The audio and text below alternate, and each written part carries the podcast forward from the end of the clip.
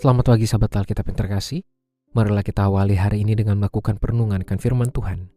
Bacaan Alkitab kita pada hari ini berasal dari kisah para rasul pasalnya yang ke-25 ayat 23 sampai 27.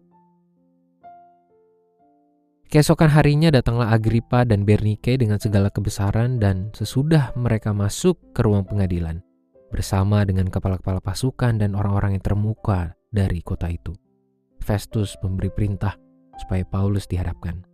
Festus berkata, Ya Raja Agripa serta semua yang hadir di sini bersama-sama dengan kami.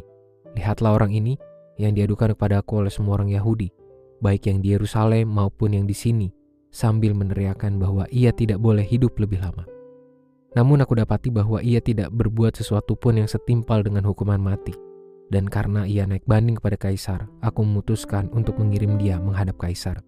Tentang dia, aku tidak punya sesuatu yang pasti untuk ditulis kepada kaisar Itulah sebabnya aku menghadapkan dia di sini kepada kamu semua, terutama kepadamu, Raja Agripa, supaya setelah dia adakan pemeriksaan, aku dapat menuliskan sesuatu. Sebab menurut pendapatku, tidaklah masuk akal mengirim seorang tahanan tanpa menyatakan tuduhan-tuduhan yang diajukan terhadap dia. Sikap Festus yang pelin-pelan untuk memberikan keputusan terhadap perselisihan antara pemimpin agama Yahudi dengan Paulus telah memberikan kesulitan yang lebih lanjut untuk dirinya sendiri khususnya pada saat Paulus mengajukan naik banding ke kaisar untuk memutuskan perkara tersebut. Dengan kata lain, kehadiran kasus Paulus ke hadapan kaisar juga dapat menjadi indikator kualitas Festus sebagai pemimpin. Namun hal ini berarti Festus harus memberikan surat pengantar kepada kaisar yang berisikan gambaran terperinci mengenai kasus Paulus tersebut.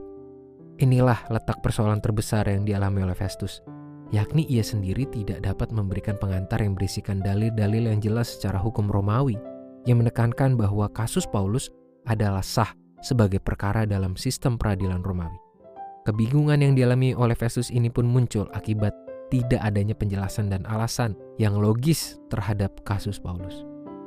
Sahabat Alkitab, kasus Paulus memang semakin menunjukkan ketimpangan cara pandang untuk menilai sebuah situasi dan kondisi. Kesulitan untuk memahami sesuatu secara objektif dengan cara pandang yang tidak bias juga semakin membesar akibat ketidakmampuan seseorang memisahkan nilai kebenaran dengan suka tidak sukanya ia terhadap sesuatu atau orang yang melakukannya. Belum lagi kehadiran konflik-konflik kepentingan yang membuatnya semakin sukar mengambil sikap yang tegas.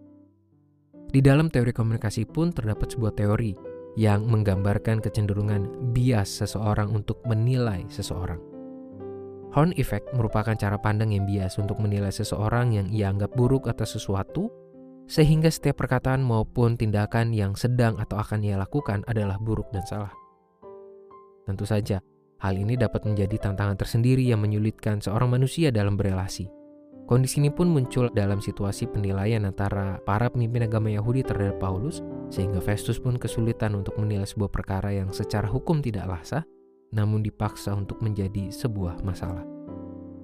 Sebagai umat Tuhan, kita pun dapat semakin kesulitan untuk mewujudkan dan perjuangkan nilai kebenaran serta keadilan jika masih dipenuhi oleh kecenderungan horn effect dalam relasi.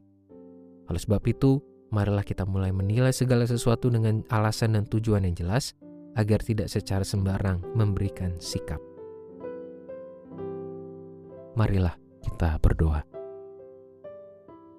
Ya Tuhan, kiranya di dalam kebenaran firman dengan bimbingan roh kudusmu, kami dimampukan sejak mulai dari cara kami berpikir, cara kami menilai, hingga mewujud dalam sikap kami.